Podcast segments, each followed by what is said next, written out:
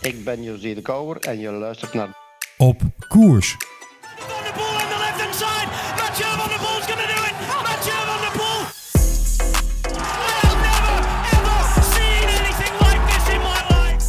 Opeens zo'n gevoel dat we in de halve finale gaan komen. Ik ben Peter Winnen en je luistert naar Op koers. Eigenlijk lijkt Feyenoord veel meer op Ajax dan dat Feyenoord zelf beseft. Dit is Bergkamp. Dit is Bergkamp. Max Verstappen in de laatste bocht in Barcelona. Dit is Bergkamp.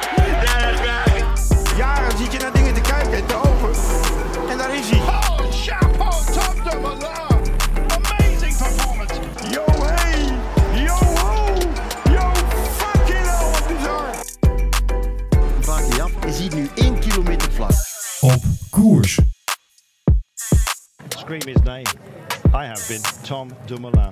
What a great ride that was. Een gesloopte kuip na de bekerfinale in Nederland. Yates wint Romandie. Perez wordt een bedreiging voor Verstappen. Toulouse wint dankzij Nederlanders de eerste prijs ooit. Welkom bij Op Koers. Wesley, Jorn, Hoi, bonjour mannen. Allee. Hallo. Hebben jullie genoten van een eh, week vol met sportmomenten? Ja, zeg dat wel. Het was ergens veel geweest, veel gebeurd.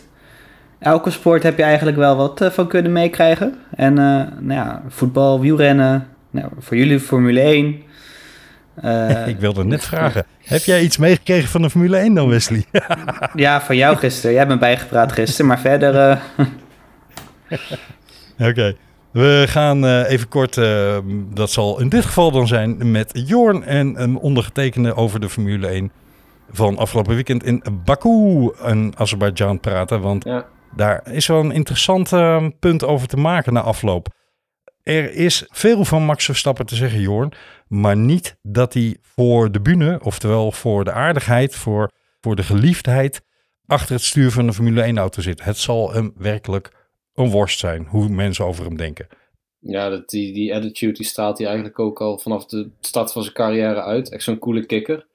En ehm, ja, dat geeft me zo'n ongelijk, weet je. Hij is de, de, de grote man in die sport op dit moment. Een van de ja, meest bekeken sporten ter wereld volgens mij. Formule 1, zeker als het om autosport gaat.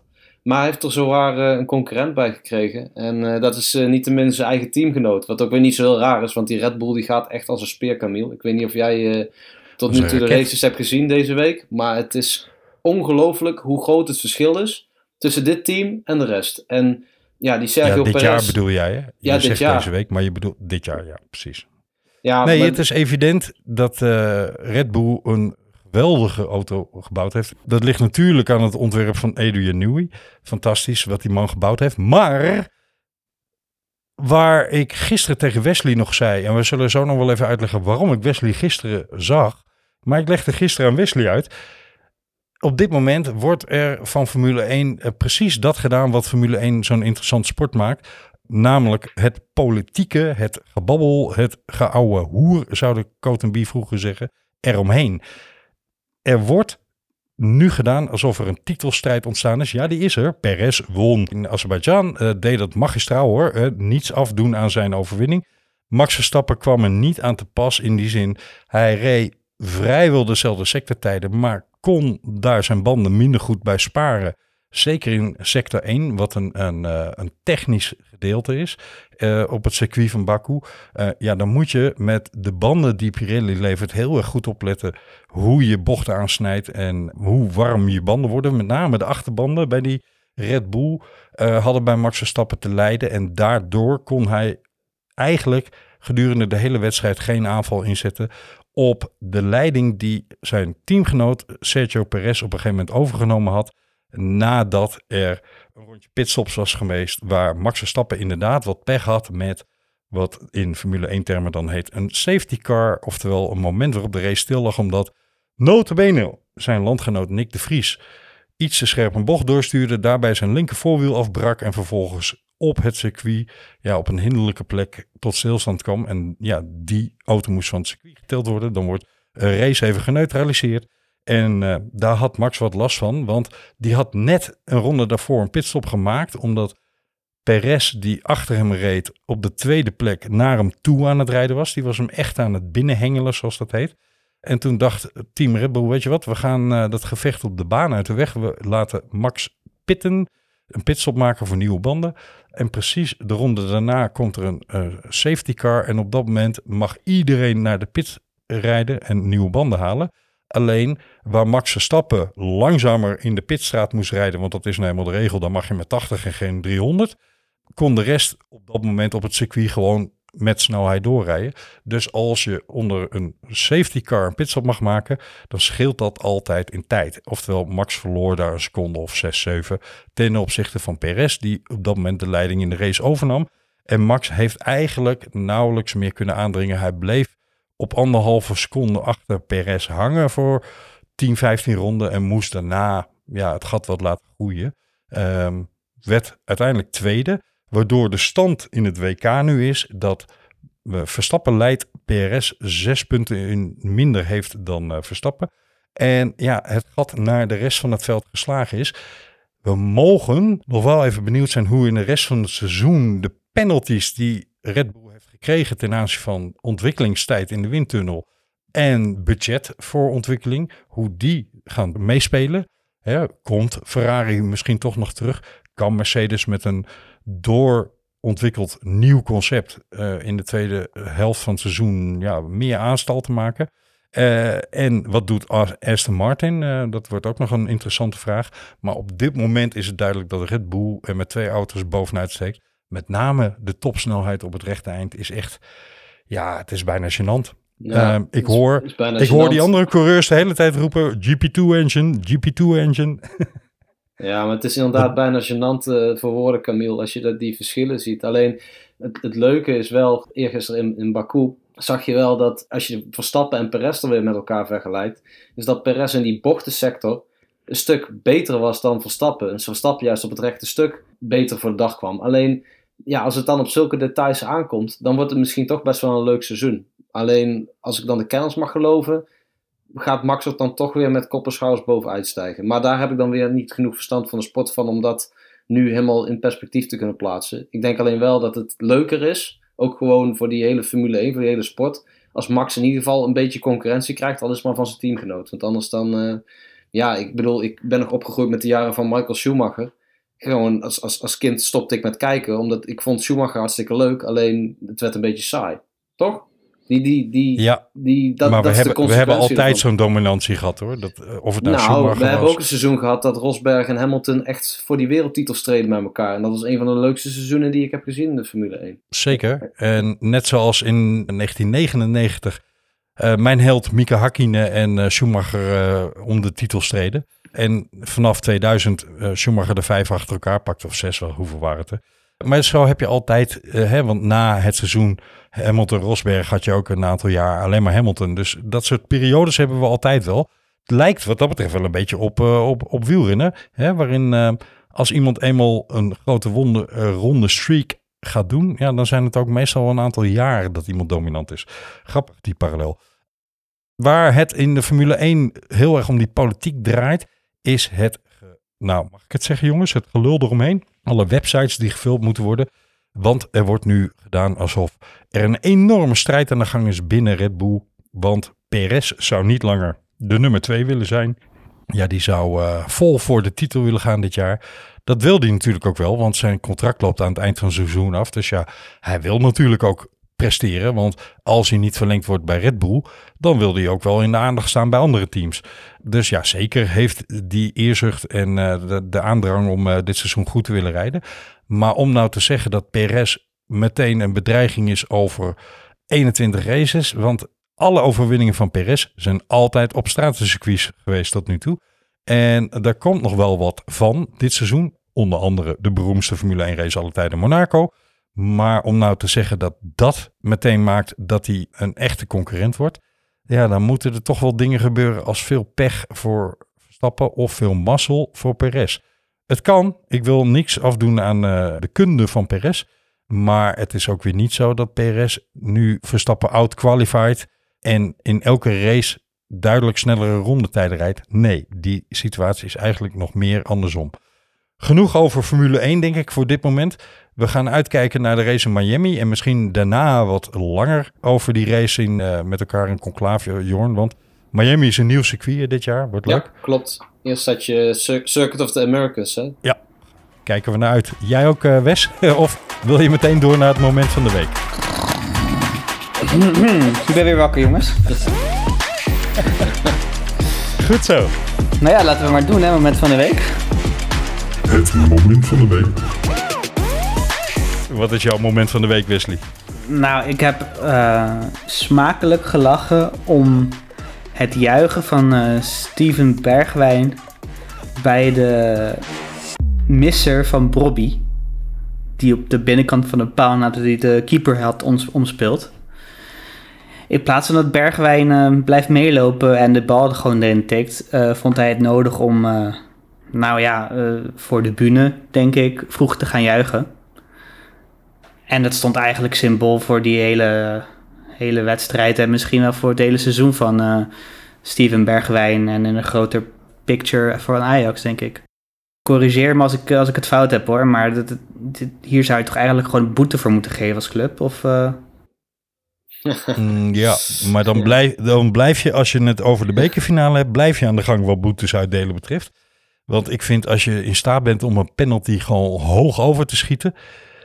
Ja, Ja, er, was, er was sprake van dat men niet op penalties geoefend had. Hoe, hoe, dat snap ik ook niet helemaal. Eh, want dat lijkt me toch een vereiste wat je sowieso doet in aanloop naar zo'n finale. Nou, Eh, maar, maar als dan, mag dan een penalty, en ik zeg dat lekker vanaf de zijlijn, hè, maar mag een penalty AUB tussen de palen zitten qua schot, hoe Ja. hard of zacht, en of je nou een Panenka doet of niet.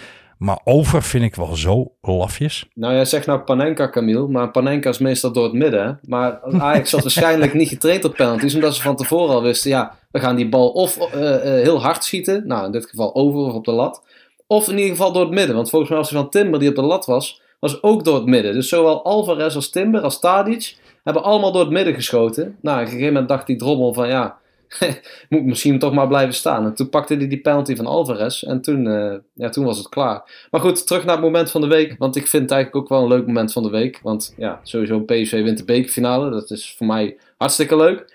Maar eh, eh, terug naar Steven Bergwijn. Ik vind dat Wesley volledig gelijk heeft. Het symboliseert een beetje het, het, het seizoen van Bergwijn tot nu toe. Maar ook hij, toen, hij, toen hij scoorde, nou hij scoorde helemaal niet, want dat was een eigen doel van, eh, van eh, Jared eh, Gerrit Brentweet, zoals we hem in Eindhoven noemen. En, eh, Maai je ging- mij nou het gras voor mijn voeten weg, gaat hij, ja, ik maak het gat voor je voeten weg. Maar ik weet niet of jij ook naar hetzelfde toe wil als ik. Maar ik wil na- Ja. namelijk naar het juichen van Steven Bergwijn toe. Met dat Ja. vingertje naar het publiek. En toen dacht ik, oh ho. We hebben van de week gezegd dat dat niet meer mocht. Met, met Sambo, die daar heel overdreven ging juichen bij dat publiek eh, bij Twente. We willen allemaal niet dat mensen dingen op het veld gaan gooien. Wat ze ook gewoon niet moeten doen. Maar dan vond ik dat dan weer jammer of zo. Want hij heeft veel aan PSV te danken gehad. Nou, prima dat je blij bent dat je scoort. Maar dat vingertje vind ik dan enerzijds weer heel onnodig. Dus ik heb ook wel heel smakelijk gelachen om het feit dat hè, het moment van de week dat hij dan naar die Bobby toe rent van ja, gescoord. Oh nee, toch niet. Dus ik, eh, ja, ik, eh, ik vind wel eh, ik vind het een leuk moment van de week, om het dan maar zo te zeggen. Ik moet je eerlijk bekennen dat ik als Ajax ziet weinig van de wedstrijd genoten heb. Niet alleen om het resultaat. Want dan kan ik altijd nog het excuus naar voren brengen. Ja, penalties, dat is een loterij. Ja, dat zei Heitinga wel, hè? De Heitinga zei de loterij Ja, dat- was, daarom was ze niet op getraind, toch? Dat zeg je uiteraard na afloop als je verloren hebt. Maar als je gewonnen hebt, hoor je nooit een, eh, een, een trainer. Nou, vrijwel zelden een, trainer. Ik geloof dat alleen Louis Vergaal dan ook volhoudt dat het een loterij is. Maar anyway. De penalties waren onthutsend slecht. Ja. Maar los daarvan, ik vond met name de mentaliteit van zowel Ajax als PSV. En waar ik in onze vorige aflevering nog zei dat er misschien niet zo heel veel te verwijten viel aan de trainer van PSV dit jaar, neem ik die woorden bij deze gigantisch terug. Ru- eh, Ik vind dat zowel Heitinga als Ruud van Nistelrooy zich kapot moeten schamen over het feit dat ze hun ploegen twee toppers, twee ontmoetingen tussen Ajax en PSV achter elkaar, met een dergelijke instelling het veld op laten lopen. Wat een lelietjes van Dalen, jongens. Het was niet- Ongelooflijk, het was wat, niet wat een zeikerts. Nee, het was niet Het- om aan te zien. Het was die aanvoer. Dramatisch. Ja, maar je hebt ook twee aanvoerders, hè? Twee aanvoerders die gewoon. Ja, wat, wat, wat was dat nou? Die Tadic en de Jong die zijn meer met elkaar bezig geweest dan met de wedstrijd, volgens mij. En dat is echt. Dat was niet één keer, niet twee keer. Dat is die hele eerste helft zo doorgegaan. En in de tweede helft hebben we het eigenlijk ook nog wel gezien. Hè? Met een Alvarez die gebaartjes gaat lopen maken. Met uh, uh, Van Arnold, uh, die, die ook constant die scheidsrechter aan het zeiken is. Het was echt niet normaal. Maar ja, als je ze daar dan achteraf over hoort, ook die trainers weer van ja, er staat veel op het spel en het, het is belangrijk dat we alsnog iets van het seizoen maken. Denk ja, maar dat, dat kan ook op een andere manier. Op deze manier heb je 23 minuten zuivere speeltijd gehad, die eerste helft. Zoiets. Het was echt, het was niet om aan te zien. Het was vooral niet om aan te zien, omdat, en ik moet eerlijk bekennen dat ik het in samenvatting gezien heb, want ik zat samen met Wesley in Carré tijdens de bekerfinale. Uh, dus ik heb het ook maar in samenvatting gezien. Maar het was vooral niet om aan te zien, omdat het, het, het, het, blijkbaar ging Ajax het veld in met de opdracht om het niet op strijdlust te verliezen, wat ze blijkbaar hadden geconcludeerd uit de vorige ontmoeting, dat ze daar toen wel op verloren. Maar dat is, dat is op zichzelf niet fout, hè? Want zeker die. Nee, maar vind jij dit strijdlust of vind jij dit een verkeerde manier van gebruik van je energie? Nee, wat, wat ik dus wil zeggen is dat in die competitiewedstrijd van uh, vorige week, of twee weken geleden inmiddels, was PSV wel echt. Uh, ik, ik appte naar Jor van wat, heeft, wat hebben die PSV'ers gesnoven joh, tijdens de wedstrijd. Omdat daar echt na elk duel brulde het zo wat uit naar het publiek, naar zichzelf, op de borst slaan met de handen. Ja, maar dat mag ook. Dat is goed. Spierballen maken. Ja, dus precies. Goed dit jaar. Die maken echt gebruik van die kuip. Die, de, de, kuip is echt een heksenketel, weet je. Als je daar gaat spelen, dan, ja, dan berg je maar. Dat, dat, Ja. Dan, gaat dat publiek, dan gaat dat team ook helemaal op het publiek. Dat is echt een wapen van Feyenoord. En, en ik heb Ja, PSV eens. nou, vorige week voor het eerst echt dat publiek echt met zich mee zien krijgen dit seizoen. Alleen, En dat vind ik heel iets anders dan tegen elkaar gaan lopen zeiken en tackeltjes maken terwijl Xavi de bal net over de zijlijn speelt. Om maar één voorbeeld te noemen. Of zoals Luc de Jong als een, als een, als een nou ja, ik zal een, een aanstellerige debutante op een bal. Eh, je krijgt een scheenbeschermer tegen je been aan. Oh jongens, nou, nou, nou. Ik Ja. vond het werkelijk, wat een stelletje juffertjes op het veld. Maar kijk, wat ik, wat ik dus wilde zeggen is dat Ajax nu dus met dezelfde instelling het veld op wilde komen als PSV vorige wedstrijd liet zien. Maar je hebt dus met een strijdlustige instelling het veld op gaan en gewoon als blinde kippen achter de bal aanrennen. Eh, en dat gevoel kreeg ik een beetje bij Ajax. En ook het zeiken eromheen inderdaad. En eh, nou ja, je hebt een Bergwijn, je hebt een Klaas, je hebt een Tadic, je hebt een Brobby. Je, het houdt sowieso niet heel erg over qua sympathiek. Ik vind het echt... Nou moet ik zeggen dat jij daar nou niet een objectieve bron voor bent als Feyenoorder. hè, om, om sympathie Nou, voor Ajax uit te spreken. Nee, dat, nee dat, vind ik, dat vind ik te Nou, makkelijk ik- hoor. ik, ik, Want ik, ik vind vind Frenkie de. Jong, Frenkie de Jong en Matthijs de Ligt vind ik echt uh, topgozers. En natuurlijk zal ik me eerder aan een Ajax ergeren dan aan een Feyenoord. Dat geef ik gelijk toe. Maar nou ja, als je een beetje objectief naar een eh, Alvarez of naar een eh Davy Klaassen kijkt, dan, dan moet je daar toch als gezond mens al snel een enigszins afkeer van hebben. Ja, wat je volgens mij zag was een gebrek aan klasse. En dat uit zich in overachieven, zoals ze dat in het Engels noemen. Oftewel, er harder ingaan dan nodig is. Eh, meer opzitten, meer gefocust zijn op je tegenstanders, meer bezig zijn met elkaar. En ja, dat, dat is het, het kenmerk van een team wat niet draait en wat niet lekker speelt. En waar eigenlijk de klasse ontbreekt om het op een voetballende manier op te lossen. Want wat er ook de aanleiding voor was, het feit dat de Kuip nu diverse kapotte stoeltjes en een hele rits kapotte toiletten heeft. Het gaat weer de boeken in als Nederlandse supporters van voetbal. En ik vind het echt een schande worden hoe dat allemaal geïnstigeerd wordt. Vaak door agressie in het veld. Je kunt niet zeggen, het is één op één een aanleiding. Maar ik vind wel dat je op het veld moet realiseren dat als jij loopt te zeiken over iemand die op de grond ligt, ja, dat dat energie afgeeft aan het publiek. En als daar toch al de nodige spanning in zit, en als daar toch al de nodige mensen tussen zitten die zich misdragen, dan zul je denk ik eerder gas terug moeten nemen dan extra gas moeten geven zoals nu gebeurde. Elf gele kaarten in een bekerfinale. Mwah. Ja, dat is een beetje veel. Hè? Er was alleen één, er was één positieve uitzondering. En die wil ik toch even benoemen. Dat is Joey Veerman. Joey Veerman heeft echt een hele goede wedstrijd gespeeld. En heeft achteraf ook gezegd in dat interview dat hij zichzelf ook enorm stoort aan eh, het gedrag wat op het veld is vertoond.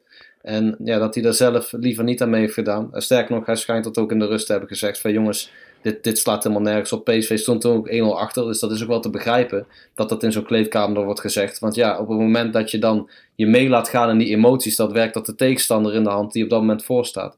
Dus die wil ik nog wel even benoemen, zeker ook met oog op het Nederlands elftal. Want als je dan zo'n Veerman gisteren vergelijkt, en in die vorige wedstrijd met een Klaassen en een, ook toen eh Kenneth Taylor, die nu eh, niet meedeed, dan, eh, dan vind ik dat hij daar wel voor een aanmerking komt voor een plekje in de selectie. Zij het dat onze vriend, eh, eh, hoe heet hij, Eh, Mats Wiever van eh, Feyenoord, ook echt onderhand wel zijn, eh, die is al geselecteerd trouwens, maar die verdient nu wel misschien zelfs een plekje in de basis. Maar daar gaan we het misschien later wel een keer over hebben, als, eh, als Feyenoord kampioen is geworden, toch Wes? Ja, dat duurt, dat duurt niet heel lang meer. eh, het duurt niet heel lang meer voordat eh, Feyenoord eh, weer op de Koolsingel staat.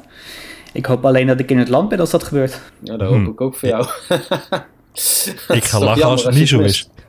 ja, dat gebeurt niet zo vaak namelijk. Zullen, zullen wij dan in, eh, in Wesley's plaats gaan, Jorn? Jij in een. PSV-shirt, ik in een Ajax-shirt. Ja, en jij denkt dat wij dan nog heel uit thuis komen. Dus, eh, Nee, nee dat, dat denk ik niet. Nee, Nee. dat klopt. Sjas patat. Chas patat. Nou, ik moet wel eens nodig sassen. Dat kan wel kunnen, ja. Eh, hey Jorn, jij hebt ook nog een eh chas patat die verband houdt met het onderwerp waar we het over hebben. ja, iets is wat blijven hangen, maar toch niet echt, wat toch niet echt werd deze week. Dat, eh, dat was het tenenkrommende interview van eh, achteraf. Van, nou, interview was het niet. Het was de persconferentie van Ajax na afloop van de bekerfinale. Willem Vissers die stelde de terechte vraag, die ook door andere journalisten werd gesteld. Joep Schreuder onder andere van de NOS. Van, goh, Davy, wat vind je nou van dat gedrag op het veld? En vind je nou niet dat er een beetje veel aanstelleritis bij, eh, bij betrokken, hè, eh, eh, bij komt kijken? Waarvan ik eigenlijk gewoon denk van, goh, Klaassen was wel een van de jongens die, die inderdaad veel, hè, zich veel aanstelde in die wedstrijd. Waarop Klaassen zegt, nou, nou, ja, je krijgt wel eh, behoorlijk veel pijn. En die tackles die komen behoorlijk hard aan. Dat ik denk van, ja jongen, kijk nou eens, kijk nou eens naar andere, andere sporten. Ik weet, het is misschien een kromme vergelijking, maar kijk nou eens echt hoe snel jongens opstaan op het moment dat ze achter staan en ook eenzelfde tackle krijgen. Het is allemaal eh, de scheidsrechter beïnvloed, het is toneel, het is, nou, we hebben het er net al heel veel over gehad, maar het was gewoon tenenkrommend om naar te kijken. En vervolgens gaat hij met die, eh, zegt hij tegen Willem Vissers, goh, eh, ik wil je wel die, die wond laten zien. Waar ik denk van, jongens, zeg nou gewoon eerlijk, ja, het zag er inderdaad niet uit. Zeg nou gewoon eerlijk, hier, dit, had niks met voetballen te maken. En we lieten ons meegaan in het moment. En ja, voor de kijker was dat inderdaad waarschijnlijk eh, eh, niet, eh, had dat een, een laag, lage amusementswaarde. Tenminste, als je echt van voetbal hield. Dat, dat zo'n antwoord, zo'n eerlijke antwoord, had volgens mij veel beter gedaan kunnen worden dan nu gewoon zeggen, nou, we krijgen wel behoorlijke klappen hoor, Willem. Denk ik, ja, dat is maar net hoe je het bekijkt. Dus dat vond ik, dat, ja, dat, vond ik toch echt wel de chas patat van deze week, Camille en Wesley. Dat, dat heeft me wel een beetje gestoord. Ik kan hem alleen maar onderschrijven, al moeten we natuurlijk altijd oppassen om niet de klassieke wielerfan fout te maken door te zeggen, ja, wielrenners, eh, als die op een, Ik heb hem bewust vermeden net, maar... en, en 26 botten breken, die grijpen naar een fiets en stappen weer op. Hè, laten we die vergelijking maar eens een keer niet doen. Nee. Maar het is wel zo. Nee, maar ja. Nou, je haalt me de woorden uit de mond. Ik heb er verder ook niks aan toe te voegen. Laten we snel naar het volgende onderwerp.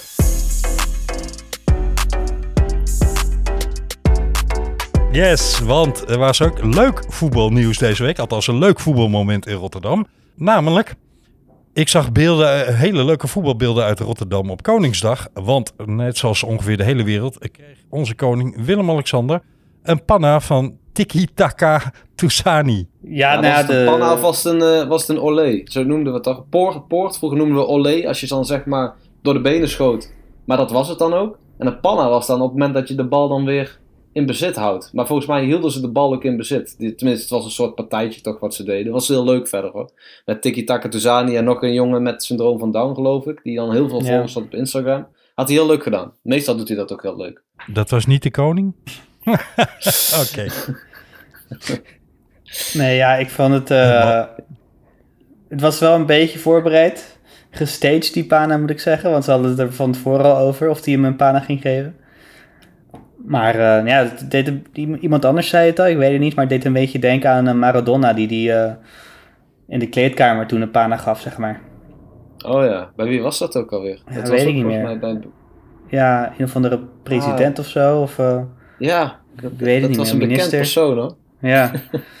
dus eh, ja, nou ja, Touzani is echt een, echt een topgozer. En, eh doet ook een Overigens moet ik er wel bij zeggen, dat waren misschien wel de leukste beelden van heel Koningsdag. Dat ben ik niet met je eens hoor, Camille. Ik vond het een van de beste Koningsdagen eh, gewoon die ik op tv heb gezien. Ik vond het Rotterdam dat ontzettend, ja, we gaan het dadelijk over hebben, want het mocht wat gekost hebben. Maar het ontzettend leuk en goed had georganiseerd met die watertaxis, met een debat over slavernij, met echt eh, de diversiteit die de stad uitstraalt. Maar misschien komt dat omdat ik al een tijdje in Rotterdam woon en misschien dat Wesley dat ook een beetje kan beamen. Even losgezien Nee, van maar dat bedoelde ik niet. Ja, maar jij- Ik bedoelde eigenlijk veel meer.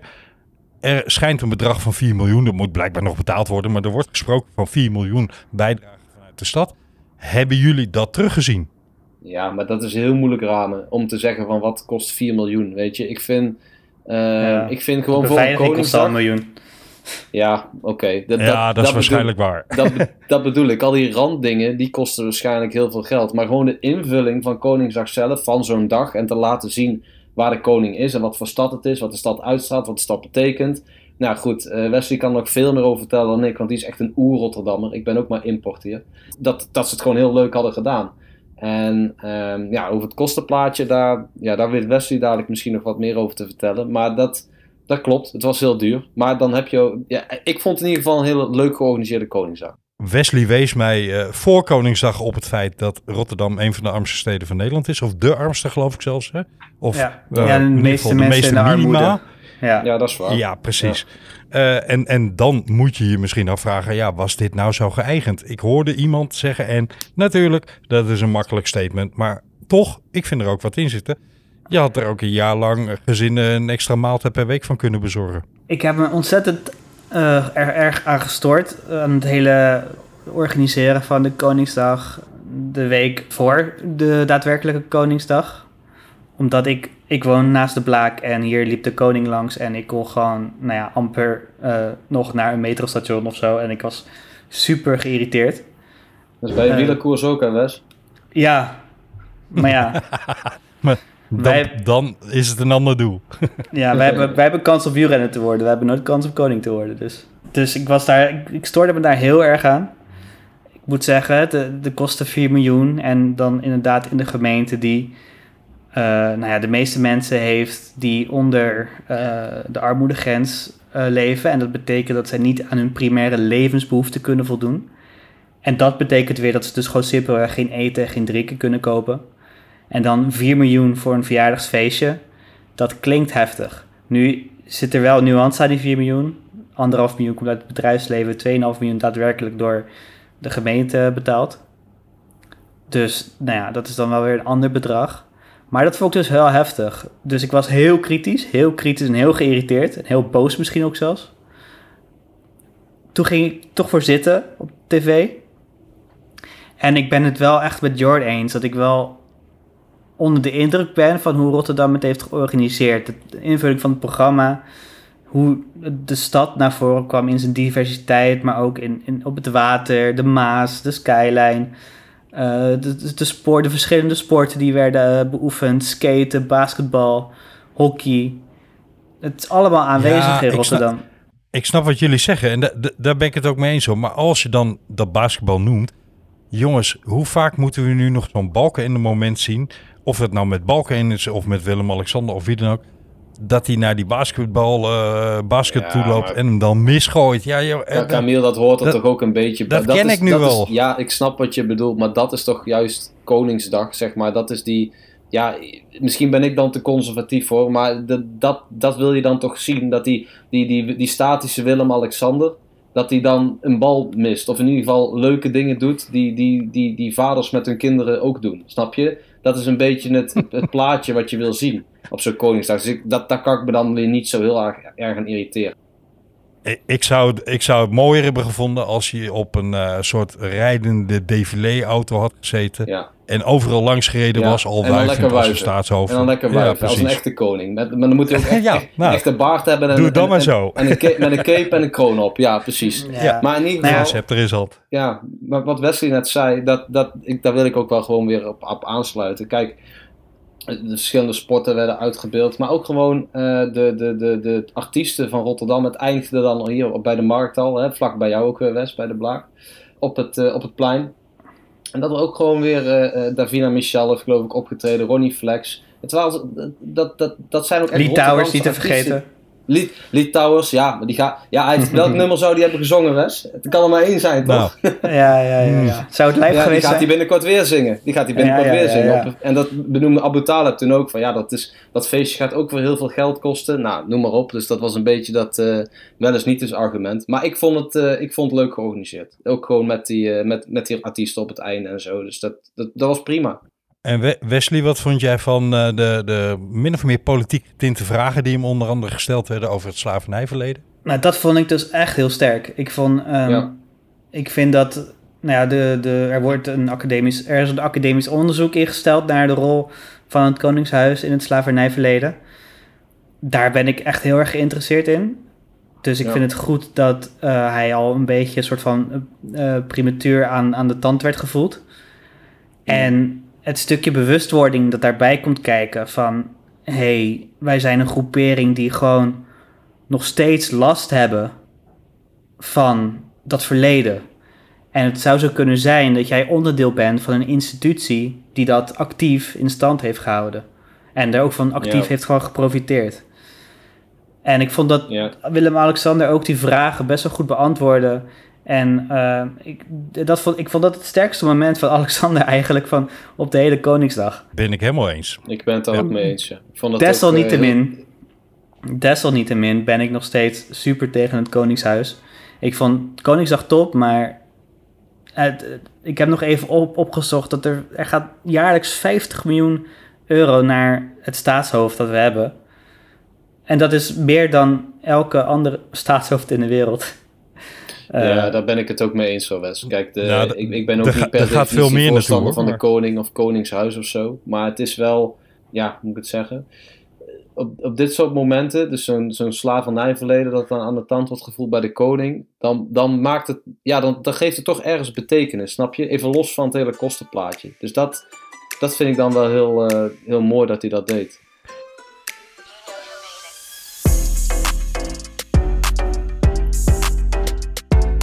Jongens, voor we te lang over, over de kosten van het Koningshuis doorgaan, wil ik een bruggetje gebruiken. Want waar zaten Wesley en ik gisteren? In het Koninklijk Theater Carré. En wie zagen we daar een koninklijk optreden geven, Wesley? ja, Tom Dumoulin. hey, en wat is Tom Dumoulin? eh, wat heeft hij voor betekenis in Nederland? De Italiaanse koning van het land of zoiets? Of, eh, Nou ja, de enige winnaar van de Giro. En Ja, dat is daarmee precies. dan het bruggetje naar de Giro d'Italia. Want die staat bijna op aanvangen. Voordat we nou heel lang over Willem-Alexander door zouden gaan, jongens. Ehm, vind ik het veel belangrijker om die Giro even koninklijke aandacht te geven. Wat jou, eh Jorn? Ja, lijkt me een goed idee. Ik bedoel, ik dacht net ook al dat je wilde naar koninklijke toestanden. Het is de koning, eh, de koning van het Nederlandse wielrennen toch, van de afgelopen jaren. Ja. Dumoulin. Ik hoop dat hij... Precies. Kijk, ik ben er zelf niet bij geweest in Carré. Maar ik hoop wel eh, dat hij wat nuttigs eh, te vertellen had, eh, jongens. Daar ben ik wel benieuwd Nou, we moeten inderdaad even uitleggen waarom we- zaten we dan in Carré. Eh, dat was vanwege onze conculega's van In het Wiel. Die hadden een, een podcastavond georganiseerd in het theater daar met als gast ja, onze grote held, mag ik wel zeggen, Wesley, hè, Tom Dumoulin. En dat ging ja, over de aanstaande Giro. Maar al moet ik zeggen, daar ging het niet eens zozeer over. Het ging eigenlijk meer over de Giro in het algemeen. Of Toms carrière in het bijzonder, laten we het zo zeggen. En dat was leuk. Dat was heel leuk. En vooral viel Wesley en mij op. En daar hadden we het in de pauze al over. Van, wat een leuke, natuurlijke manier van overkomen Tom Dumoulin toch heeft. Met al zijn verhaspelingen of besprekingen of momenten dat hij denkt... Oh, huh, zei ik dat nou echt net? Ja, hij komt gewoon totaal natuurlijk over. Eh, zoals hij ook vroeger in zijn actieve carrière in de media overkwam. Hè, voor de vuist weg dingen roepen die achteraf dan misschien niet altijd even tactisch waren. Eh, en waar hij misschien soms een dag later wel eens op terug moest komen om eh, vrienden in het peloton te houden enzovoort. Maar eh, ja, hij zei gisteren ook prachtige dingen over bijvoorbeeld Nairo Quintana en, en Nibali. En we zullen ze niet herhalen, want het was een besloten setting. Maar ja, het was zeker de moeite waard om bij te zijn. En dat maakt dat ik denk, Misschien moeten we even de aftrap van de Giro beginnen met gewoon een schot voor de boeg. En dat is dan meteen die geëikte vraag. Wat ging er door je heen? Jorn, wie gaat de Giro winnen? Ik zeg Primoz Roglic. Wesley. Ja, eigenlijk voor de hand is natuurlijk Evenepoel of Roglic. Maar heel stiekem heb ik een dark horse, waar ik wel wat van verwacht. Heeft En- hij hem al eerder gewonnen? Nee, Oh, oké. Ga door. Jay Vine. Jay Fine. Ja, ja. Dat is wel Daar een hele verwacht dark ik- horse, Wesley. Dat- Daar dat- verwacht ik ontzettend veel van. Ja, maar voor, gaat hij niet echt voor etappenzegers en zo? Nee, Misschien hij gaat voor het eerst voor het klassement. Hij gaat voor het Oké, eerst voor het dat heeft hij klassement. al uitgesproken. Ja, dat heeft hij uit- uitgesproken. Oké. Ja. ja, bijzondere keuze. Nee, ik zeg niet dat hij gaat winnen, hè, maar ik denk in principe dat Roglic gaat Je winnen. hoopt het.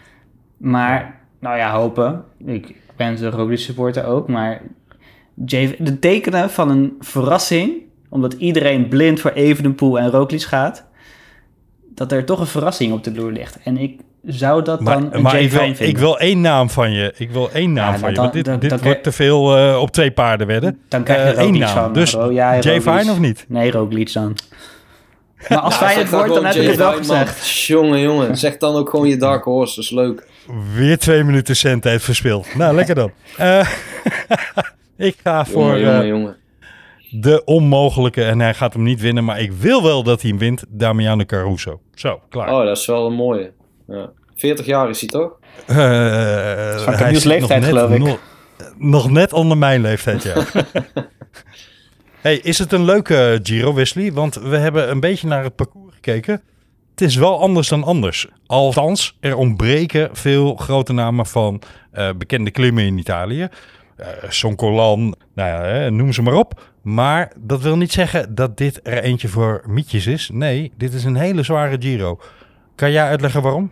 Eh, Welke cruciale etappes zijn er? Samenvattend is deze Giro bijzonder omdat er heel weinig ritten zijn waarvan je denkt, nou hier gaat niks gebeuren. Er zijn vier tot vijf sprintritten waar je een koninklijke massasprint kan verwachten. Wat op zich niet heel veel is. Vroeger waren het alleen al negen de eerste toerweek. Dus kun je nagaan. Maar daarnaast zijn er In ook... de eerste zeven dagen, ja. Ja, precies. Had je nog een ochtend- en een avondrit, hè? Precies. Ja, ehm, Geweldig. Hoe zou dat tegenwoordig eigenlijk gaan? Als je een ochtend- en een avondrit hebt, gaan ze dan ook protesteren, denk je? Ja, daar staken ze in allebei de ritten. Ja. Ja. Maar je hebt ja, dus de perceptie dat de grote beklimmingen ontbreken. Nou, dat vind ik, vind ik op zich ook wel meevallen hoor. Want ik weet dat de Trecimi di Lavaredo een van mijn eerste actieve wielerherinneringen is. Omdat die klim zo, Oh, dat is een leuke. zo bruut is. Dat zo stijl, Mhm. dat, dat, dat laatste stuk. Is, is dat zo'n sne- is dat zo'n sneeuwklim, Wesley, of niet? Nou ja, vooral heel stijl echt. Het is echt, echt een Nee, je muur. bedoelt Agnello. Agnello bedoel jij? ja, eh, zoiets. Ja, die, die tafereel. Ja, nee. ik bedoelde niet de Agnello hoor, maar ik bedoelde Nee, wel zulke nee, tafereelen. Zitten die er wel Ja. in dit jaar? Die, die, die sneeuwklimmen? Jawel. Ja, het- ja, in. Zwitserland gaat het eh, geloof ik tot 2500 meter hoogte. Ah ja. Dus dat Ja. is wel aanzienlijke hoogte. Dat is rit 15. En dat, eh, dat eindigt dan op de Cras Montana. Eh, maar ik kijk vooral uit naar die Tricemi di Lavredo. Omdat het... Dat aan, ook aan het einde van rit 19 is dat. En die hele rit, dat is zo'n ontzettend brute rit. Het gaat naar de eerste 10 kilometer zijn geloof ik vlak. Maar daarna gaat het gewoon op, af, op, af, stelt te 10%, 12%, 15%. Het is, het, is, het is niet te geloven. En het is rit 19 voor de beslissende tijdrit, die ook op een berg met een geitenpad eindigt. Dus, Oh. En dan nou, hebben, hebben we een mooi bruggetje terug naar het begin van de Giro. Want waar begint de Giro mee? Geen proloog. Wat is dan een proloog? Een proloog is een tijdrit van maximaal 9 à 10 kilometer. Sommigen zeggen 8, anderen zeggen 10. Laten we zeggen gemiddeld 9. Nee, de Giro start ja, eigenlijk heel verrassend met een tijdrit van 20, bijna 20 kilometer. Leuk of niet? Ja, daar zullen dan wel gelijk grote verschillen gaan vallen, denk ik. Toch? Mooi, mooi toch? Meer reden om later te moeten aanvallen. Ja, ja. Ja, ik, Ja. ik ben benieuwd. ik vind het Ik op zich wel weer verfrissend hoor. Want eh, er zijn nu zo lang, eh, zo lang was het tendens geweest dat er minder tijdritten en minder tijdritten in de grote rondes komen.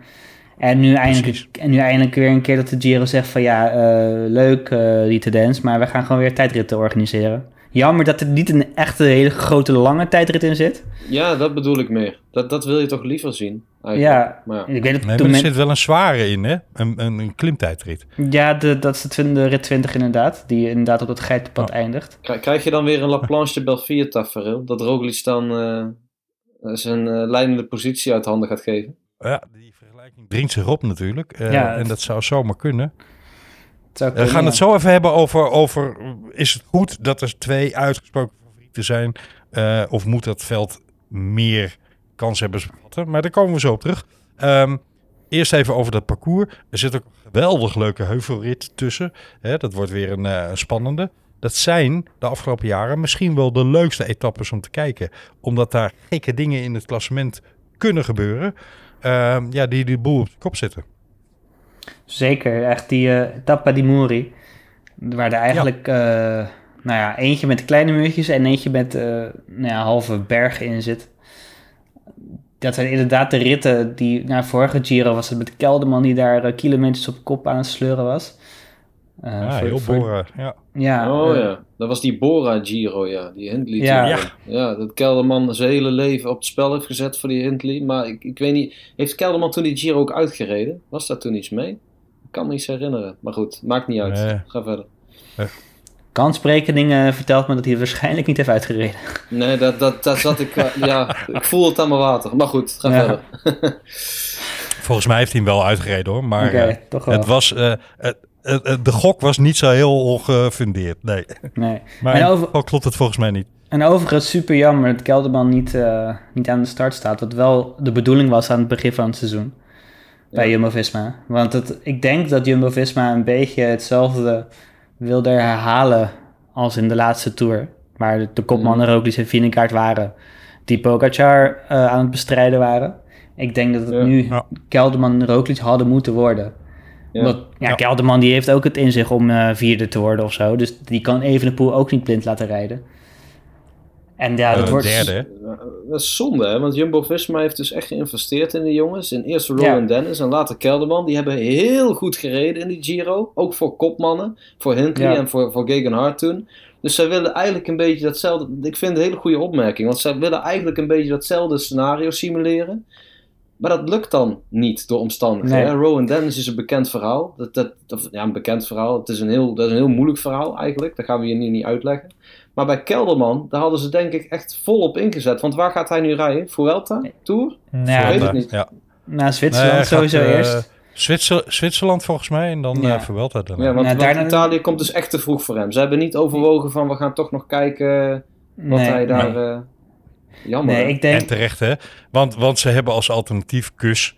Ja, maar Ku- Kuus, Kuus heeft... Ik heb Kuus nog nooit goed zien rijden volgens mij in Italië. Nee, maar, maar als je het hebt over hulp in de bergen en daar wel of niet gereed voor zijn, dan ga ik liever met een kus die op, op conditie is naar eh, de Giro dan met een kelderman waar het een vraagteken bij is. Ja, maar dat, dat is dus mijn, mijn vraagteken, is dus de vorm van Kuus. Kuus heeft vaak in de, in, de, in de derde week van de Tour, of de tweede week, heel goed gepresteerd. Hè, dat hij echt nog bij die laatste vier zat, de ondersteuning van zijn kopman. Ik, ik heb er mijn twijfels bij. Ik heb, hem, ik heb altijd het idee bij Kuus dat hij, op het moment dat hij eenmaal op stoom komt, is het misschien wel de beste klimmer ter wereld. En op het moment dat, hij, dat, dat de vorm er even niet is, dat je helemaal niks aan hem hebt. Maar dat is misschien mijn beeld wat ik van hem heb hoor. Maar ik, ik heb daar twijfels bij. Dat klopt, alleen ik denk wel dat ze daar bij Jumbo heel, heel, heel erg de vinger op hebben.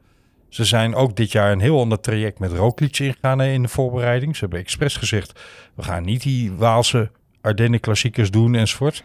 Want eh, dat past gewoon niet in de training en in de voorbereiding. Omdat ze Roglic in die derde week scherp willen hebben. In plaats van aan het begin van de ronde al helemaal op punt staan. Eh, en ik lijkt me stug dat ze die focus bij Roglic eh, zo op hebben. En dat ze bij Kus denken, nou ja, die traint wel een eind raken in Amerika. En we zien wel hoe dat uitpakt. Daar geloof ik helemaal niks van. Nee, dat sowieso niet. Maar ik bedoel meer dat Kus kan niet de rol spelen die Kelderman speelt als tweede kopman, waar Evenepoel ook op moet letten. Klopt. Klopt. Die, die Klopt. rol Maar, maar daarom zei ik, als het gaat over een Kelderman die misschien niet genoeg in vorm is. Of een kus waar je die training van gezien hebt en waarvan je weet dat die in vorm is. Ga ik liever voor een kus in vorm. dan een Kelderman die niet in vorm is. Ja, uiteraard. Als Kelderman in vorm zou zijn geweest, zou ik uiteraard kiezen voor Kelderman. Want die is een veel beter. Nou, is die een veel betere tijdrijder. Maar die is in ieder geval een veel Jawel. betere klassementsman. Jawel, Kelderman, ja, daarom. Dit is ook een Ja. veel betere tijdrijder hoor. Ik bedoel, Kussen Ja, staat na één, één etappe dadelijk eh na zijn kilo naar Magore, 20 kilometer. Dan ligt hij... Anderhalf uur hij Twee- minuten. Ja. ik, ik doe er geen uitspraak over, maar het, het zal, eh, hij, hij zal op flinke achterstand eh, eh, de Giro beginnen, denk ik.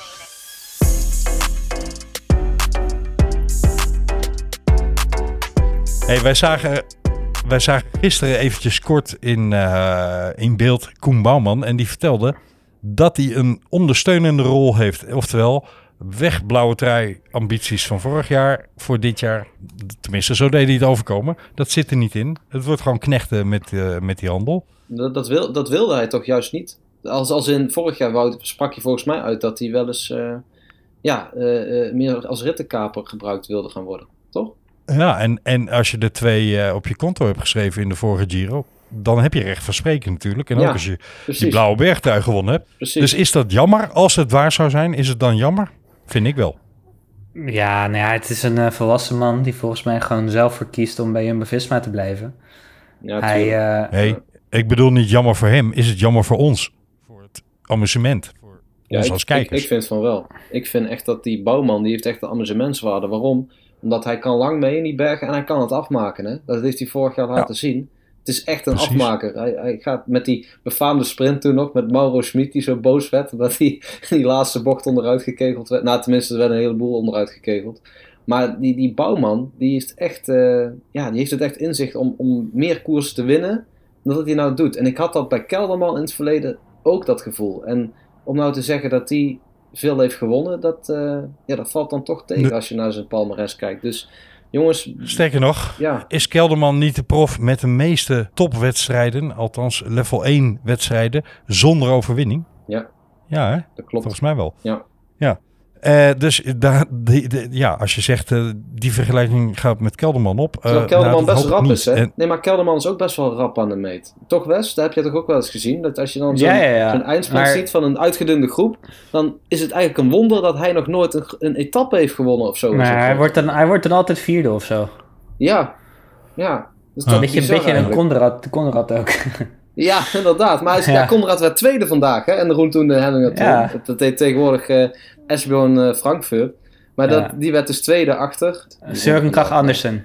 Ja, die werd tweede achter Kra- Søren Krach Kra- Andersen. Andersen, ja. Ja. En dat is bij Kelderman toch ook vaak het geval geweest, ben ik bang. Maar ik vind Bouwman wel sneller dan eh, Kelderman, hoor. Over sprinten gesproken, Caviria sprint weer. Althans, die sprint altijd al, maar hij wint weer. Ja, maar heb je het gezien hoe, Camille? Ja, eh, Met van bochtje. 300 Weet je, meter. Het was een McEwen die die deed. Weet je dat nog? Ja, ja, McEwen ooit ja. in de Tour, die ging ook eh, voor de bocht aan. En eh, hij heeft de rest niet meer gezien. En dat was bij Caviria nu ook. was gewoon een slimmigheidje eigenlijk. Maar wel leuk dat hij weer een keer heeft gewonnen. Want het is wel een eh, kleurrijk figuur in het peloton. En het is toch jammer als hij de Sagan-route neemt. In plaats van eh, ja, de, de Cavendish-route. Om dan toch later in je carrière nog te gaan winnen. Nou, dan noem je precies de naam die ik nog even in de groep wilde gooien. Is Caviria en is Cavendish een twijfel, een vraagteken voor mensen die aan Scorito doen? Hm. Ja, dat, eh, dat, dat doe ik niet aan. Dus dan kijk ik toch gelijk naar. Wesley. Maar als jij virtueel een team zou moeten opstellen, zou jij die dan meenemen? Of zou jij zeggen, ik ga voor Mats Pedersen? Mats Pedersen. Maar Cavendish rijdt nou bij Astana, toch? Heeft hij heeft die Ja, Kees ja. Bol niet Ja. bij zich als, luiten, als, Nee. eh, als, als piloot? Niet. Nee. nee, nee, Wat doet hij dan nee. bij die ploeg? Ja, even, ik wil die discussie niet aanzwengelen hoor, maar wat doet Bol dan bij die ploeg als hij is gehaald als, als piloot en nu niet meegaat voor Cavendish in de, in de Giro? Dat is toch wel jammer voor hem. Maar goed. Dat, eh, wie heeft hij dan als piloot? Cavendish. Niemand. Weten we dat? Niemand. Hij doet het in zijn eentje. Nee. nee, hij krijgt een eh, groep eh, vrijbuiters mee. Vrijbuiters. Ja. Ja, etappekapers. Dan, zou ik, dan, dan zou ik hem niet meenemen. Ik denk ook dat hij vroeg gaat afstappen, want hij wil natuurlijk die 35ste in de, in de Tour gaan pakken. En de kans dat hij daarheen mag is wel aanwezig. Dus ik zou persoonlijk niet op Cavendish inzetten. Nee. Maar dat heb ik al wel eens eerder gedacht. En dan won hij de vier. Mhm. Ja, maar toen, had toen ja, maar dan gezegd, had hij dus hè? een ploeg om zich heen. Dat, dat, dat is het hele punt. Hij had toen een ploeg om zich heen. Ja, Ja, leuk en- en, en- aardig. Nee, ja, maar dat heeft hij wel nodig om te winnen. Kijk, maar toen hij, toen hij bij, eh, eenmaal weer bij de Keuning reed, onder Lefebvre, en had een ploeg om zich heen, ging hij weer winnen. Omdat hij gewoon een goede piloot had met, eh, met Michael Morkov. En ja, daarom vraag ik net naar die piloot. Als hij een ploeg om zich heen heeft, dan kan hij winnen. En anders dan heb ik er een hard hoofd in. Maar goed, ik zou hem dus niet meenemen. We hebben geen topveld qua sprinters. Er zitten een aantal hele leuke sprinters bij hoor. Maar ik denk dat de strijd om de puntentrui zal gaan tussen Matthews en Pedersen. Eens? Eens. Ik denk dat het een eenmansstrijd wordt tussen Pedersen en Mans. Eh, Pedersen en Pedersen bedoel je? Ja. Ja, dat zou goed kunnen, ja. Nee, ik bedoel meer als er al iemand een bedreiging kan vormen voor Pedersen, dan is het misschien Matthews. Ja, waarom niet? Ehm, Nou, ik denk dat je nu ook wel eh, een, eh, een Albanese of een, Dus, een eh, Jonathan Milan van, eh van eh, Bahrein. Oh ja, van Bahrein. hey, ehm, mannen, bergtrui, denk ik dat veel mensen denken aan bijvoorbeeld een Fortunato. Maar ik ga een, een, een, een Dark Horse erin gooien, waarvan misschien iedereen denkt, hè, maar die heeft er helemaal geen deuk in het pak boot gereden dit jaar. Nee, maar hij kan het wel. McNulty. Oh ja. Ja. Ja. Hmm, ja. Ik denk dat eh UAE met Almeida en Vijn twee dermate sterke renners in het klassement gaat hebben. Dat McNulty niet die vrijheid gaat krijgen. Ik, ik zeg, Nee, ik zeg maar- dan eerder Jay Vine ook. Gewoon als, als, als Ja. kandidaat. Eh, eens als, als beschermde kopman, denk ik. Hè? Eh, sowieso Almeida. Maar ik denk dat een McNulty daar in de buurt gaat blijven. En moet blijven. Eh, hè? Net zoals eh, bij Jumbo-Visma ze zouden tegen Kelderman... eh, je moet bij Roglic blijven zitten zolang je kan. Denk ik dat dat zijn rol ook wordt. En dat hij zo vanzelf naar boven komt drijven. En in Scorito kost hij helemaal niks. Dus ik denk, het is misschien wel een gokje wat je kan nemen. Ja, maar een top 15 eh, Even- klassering. een korte, maar ingewikkelde vraag. Dat, dat, Zo'n bergtrui, dat is wel vaak afhankelijk van het puntensysteem en zo. Hè? Want je ziet toch vaak dat klassementsrenners dan heel hoog eindigen in zo'n bergklassement. En soms dan ook Ja. die bergtrui winnen. Dat is in de Tour natuurlijk het geval. Dus dat ligt er natuurlijk in de Giro ook een beetje aan. Dus als jij die Scorito-poeltjes heel serieus neemt, dan is als eerste wat je, waar je naar moet kijken voor zo'n bergtrui, is naar dat puntensysteem. Snap je? Want anders dan moet je gewoon Fortunato inderdaad pakken of een Jay Vine. Maar ja, misschien heeft dat wel helemaal Ja, maar zin kijk- op het moment dat dat puntensysteem helemaal zo is gebouwd dat die slotklim weer heel veel telt. Waardoor eh nou, dadelijk Roglic en Evenepoel heel veel punten pakken. En een per ongeluk winnen. Dat, kl- dat klopt, ik ben het helemaal met je eens. Ik bedoel meer dat een eh, McNulty, als hij goed in vorm is, gaat dat dan vooral nog wel even na. Maar dat hij vooruitgestuurd wordt op een slotklim of op een eh, klim voor de slotklim als een speerpunt. Hè? Want een Almeida en een Fine laten ze op dat punt waarschijnlijk niet rijden. Eh, en een McNulty waarschijnlijk wel. En zo denk ik dat hij stiekem toch punten mee kan gaan sprokkelen. En ook nog wel eens hoog in het algemeen klassement mee kan gaan draaien. Met hoog bedoel ik misschien top 20. Maar het zou ook zomaar kunnen dat hij 180ste wordt. Hoor, omdat hij eh, ja, volgens mij nog niet veel opzienbarends gedaan heeft dit jaar. Ehm, Hebben jullie nog een dark horse? Nou ja, voor de bergtrui? Nou, gewoon in het algemeen. Nou, Tijmen Arendsman. Voor de bergtrui zeker. Eh vind ik niet echt een dark horse, toch? Nou, voor de bergtrui zou ik hem ook niet als eerste opschrijven. Dus ik vind nog wel, eh, ik vind hem wel een leuke suggestie van Wes. Heeft, eh, heeft Ineos überhaupt een beetje een leuke ploeg, eh, Wesley? Zitten daar inderdaad dark horses tussen? Nou ja, die, die, die starten met echt wel een hele sterke ploeg. die starten Ja, met ja, de rondom, rondom Gegenhard, toch? Dat is echt een, een Sivakov. Jaron Thomas, Gegenhard, Arendsman. Ik denk wel dat het de sterkste ploeg van de Giro is, om eerlijk te zijn. Maar, maar, maar wie is daar dan de, de uitgesproken kopman? Met Thomas en eh Gegenhard. Met z'n Ik tweeën. denk Gegenhard meer hoor, dan Thomas. Ja, dat, Dat, dat, dat las ik dus inderdaad. Dat Gegenhard daar de uitgesproken kopman is. Maar toen dacht ik tegelijkertijd, ja, Thomas. dat- zit, ja, dat- dan zijn het inderdaad geen dark horses meer. Dan, dan, dan spreek je toch van een flinke, van een flinke In ploeg. die zin is Aresman in, eh, misschien wel een dark horse. Omdat hij hè, een week of drie geleden eh, uitgesproken heeft in een interview van... Eigenlijk gelooft de ploeg misschien wel meer in mij dan ik in mezelf geloof. En zich daarmee een soort van underdog-rol ingemanoeuvreerd heeft. Hm. En eh, ja, ook, ook duidelijk in, eh, was het de Tour of the Alps? Nou, niet, niet echt meekom met de elite klimmers. Nee, dat viel Ehm, tegen. Dus, dus ja, in dat opzicht is hij niet degene eh, waar je de meeste blik op zal werpen als je het hebt du- over dus wel een dark horse. Dus wel een dark horse. Ja. Ja, ja, nee, ja, ik vind, ja, een dark horse vind ik een onbekend Italiaans klimmertje, weet je wel. Een Ayuso twee, twee jaar geleden, dat, dat vind ik een dark horse. Maar oké, eh, daar wil ik vanaf zijn. Andere namen, Jorn? Nee, ik denk dat we. Ik zei net, ja, Fortunato die noemde jij net. Ja, die heeft volgens mij van de week ook weer ergens gewonnen. Dus dat vind ik wel een. eh, ja, die, die, die moet toch ook wel hoge ogen gaan gooien, denk ik. Dat is in ieder geval een renner waar ik wel mijn blik op, eh, op ga werpen. Ja. En een had dat vorig jaar ook, en toen viel die tegen, hè? Ja. Ja. Eh, wacht ik ook al twee jaar op de doorbraak van. Hè? Eh, is ook niet helemaal... Sian Uitenbroeks vond ik eh, van de week goed klimmen Heel in sterk. Romandie. Heel sterk. Ja. Maar nog even terugkomend op de, op de sprinters. Want we zijn eh, wel iemand die eh, heel belangrijk vergeten. Caden Groves. Dat is voor mij naast Pedersen wel echt een topfavoriet voor de Ciclamino. Ja, die Ja? gaat ook wel aardig omhoog volgens mij. Ja, heel goed, ja. Voor een sprinter. Ja, dat is- dat is waar. Oké, goede toevoeging. Jongens, ik heb er ongelooflijk veel zin in. Want ja, de- eigenlijk de vraag... Is de Giro een, een, een... Is het de mooiste ronde? Qua romantiek? Misschien wel. Eh, de tifosi, het landschap, Ja. eh, de bergen, Ja, eh, de ik- diversiteit. Ik vind het land, het land van Koppie en Bartoli, hè, dat is ook een wielronde naar vernoemd. En daar moet ik altijd een beetje bij de Giro aan denken. Echt naar de, de, de- het oerwielrennen, weet je wel, van die, van die gasten. Dat, dat is toch... Ja, dat- ik, ik vind Italië sowieso een fantastisch land. Nou, Wesley is er nog meer fan van dan ik. En ik vind dat dat Anch'io. onlosmakelijk verbonden is met, eh, met, met wielrennen. En met, dus met de Giro. Ik, ja, het heeft, de romantiek van de Giro, die is toch... Ja, dat is toch speciaal. En ik, eh, ik ga er echt weer voor zitten. Ik heb er heel veel zin in. Me too. Ja, voor mij is het eh, bij far de mooiste ronde. Maar ik ben wellicht weer, weer niet objectief. Maar de, de, ja, het spektakel, de, ook de verrassingen die, die er soms zijn, dat vind ik, eh, dat, dat, dat zie je toch minder in de Tour. Eh, ik weet nog een Andy Schleck die eh, op eh, 19 of 20-jarige leeftijd opeens eh, zijn neus aan het venster stak. De, de, de, de, de Gegenhard, eh, wat, wat, hij- what the fuck, hoe kan hij opeens de Giro winnen? Nou, Eh, dat was een hele aparte Giro, hè, Wes. ja, wel, Die- die tuurlijk. Giro die- ja. maar, maar toch. Ja. Eh, de valpartij van Kruiswijk, Dumoulin die voor het eerst de Giro wint. De, nou ja, zoveel drama en, en verrassingen en, en, en hoogtepunten. Nou ja, ik vind het echt... Kijk, voor, het- voor het niveau, de, de beste redders staan aan de start van de Tour. Dus daar, dat zal altijd een extra lading met zich meebrengen. Maar de, de verhalen, de, de, Ja. de jaren, waar, hoe lang we spreken over de Giro's die er zijn geweest. Ik denk dat het minder is bij de Tour en Vuelta dan bij de Giro.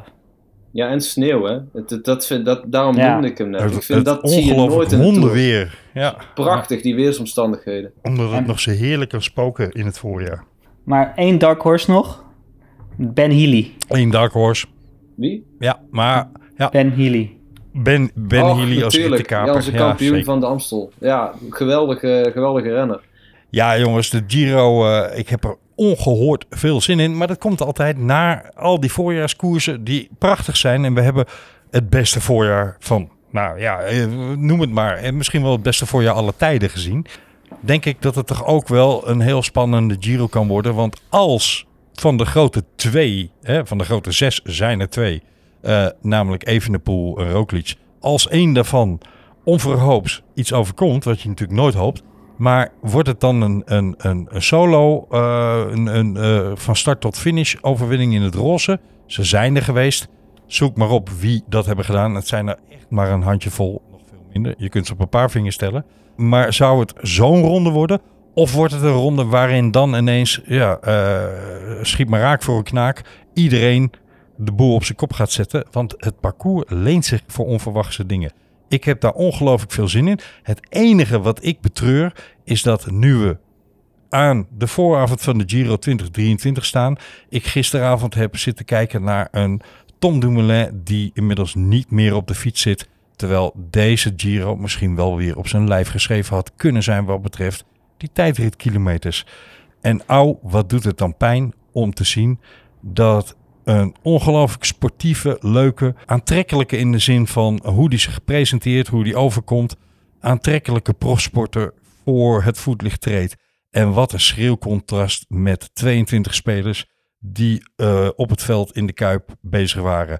En ik denk, Wesley, dat jouw nummer waarmee we gaan afsluiten daar misschien wel bij aan kan sluiten. Hè?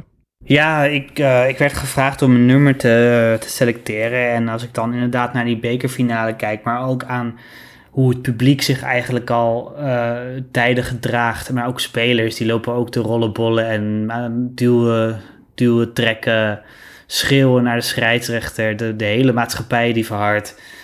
Dan uh, zou ik Man in the Mirror van Michael Jackson willen inbrengen. Om, ja. nou la, laten, we, laten we, ja, laten we gewoon even naar onszelf kijken. Laten we zelf kijken wat we kunnen verbeteren op het voetbalveld, in de maatschappij, op de tribunes. Gewoon zelfverantwoordelijkheid. En laten we daarbij beginnen. Hou je kop erbij. Ik kijk altijd uh, heel graag in de spiegel naar mezelf. Maar zoals een goede vriend dan uh, heel aardig altijd zegt... Gelukkig heb je een radiohoofd. Mensen, dit, dit was hem voor deze week met Op Koers. Wij zijn er volgende week weer en dan zitten we volop in de Giro en gaan we jullie meenemen door de Giro heen. Maar we blijven ook kijken naar Formule 1. In Miami een fantastische race uh, voor het voetlicht komen. En uh, ja, we zullen ook het voetbal in de gaten houden, want zoals Feyenoord, of zoals Wesley ongetwijfeld al benadrukt heeft in deze uitzending, Feyenoord staat op het punt landskampioen te worden. En ik denk niet dat we dat tussen de uitzending weggemoffeld krijgen, Jorn. uh, ik ben er bang voor. we gaan het zien. Bedankt voor het luisteren en tot de volgende. Ciao, ciao. Alla prossima. Ciao. Houdoe. Volta. It's gonna feel real good. Gonna make a difference. Gonna make it right. As I turn up the collarbone, my favorite winter coat. This wind is blowing my mind. I see the kids in the street with not enough to eat. Who am I to be blind, pretending not to see their need? I saw disregard.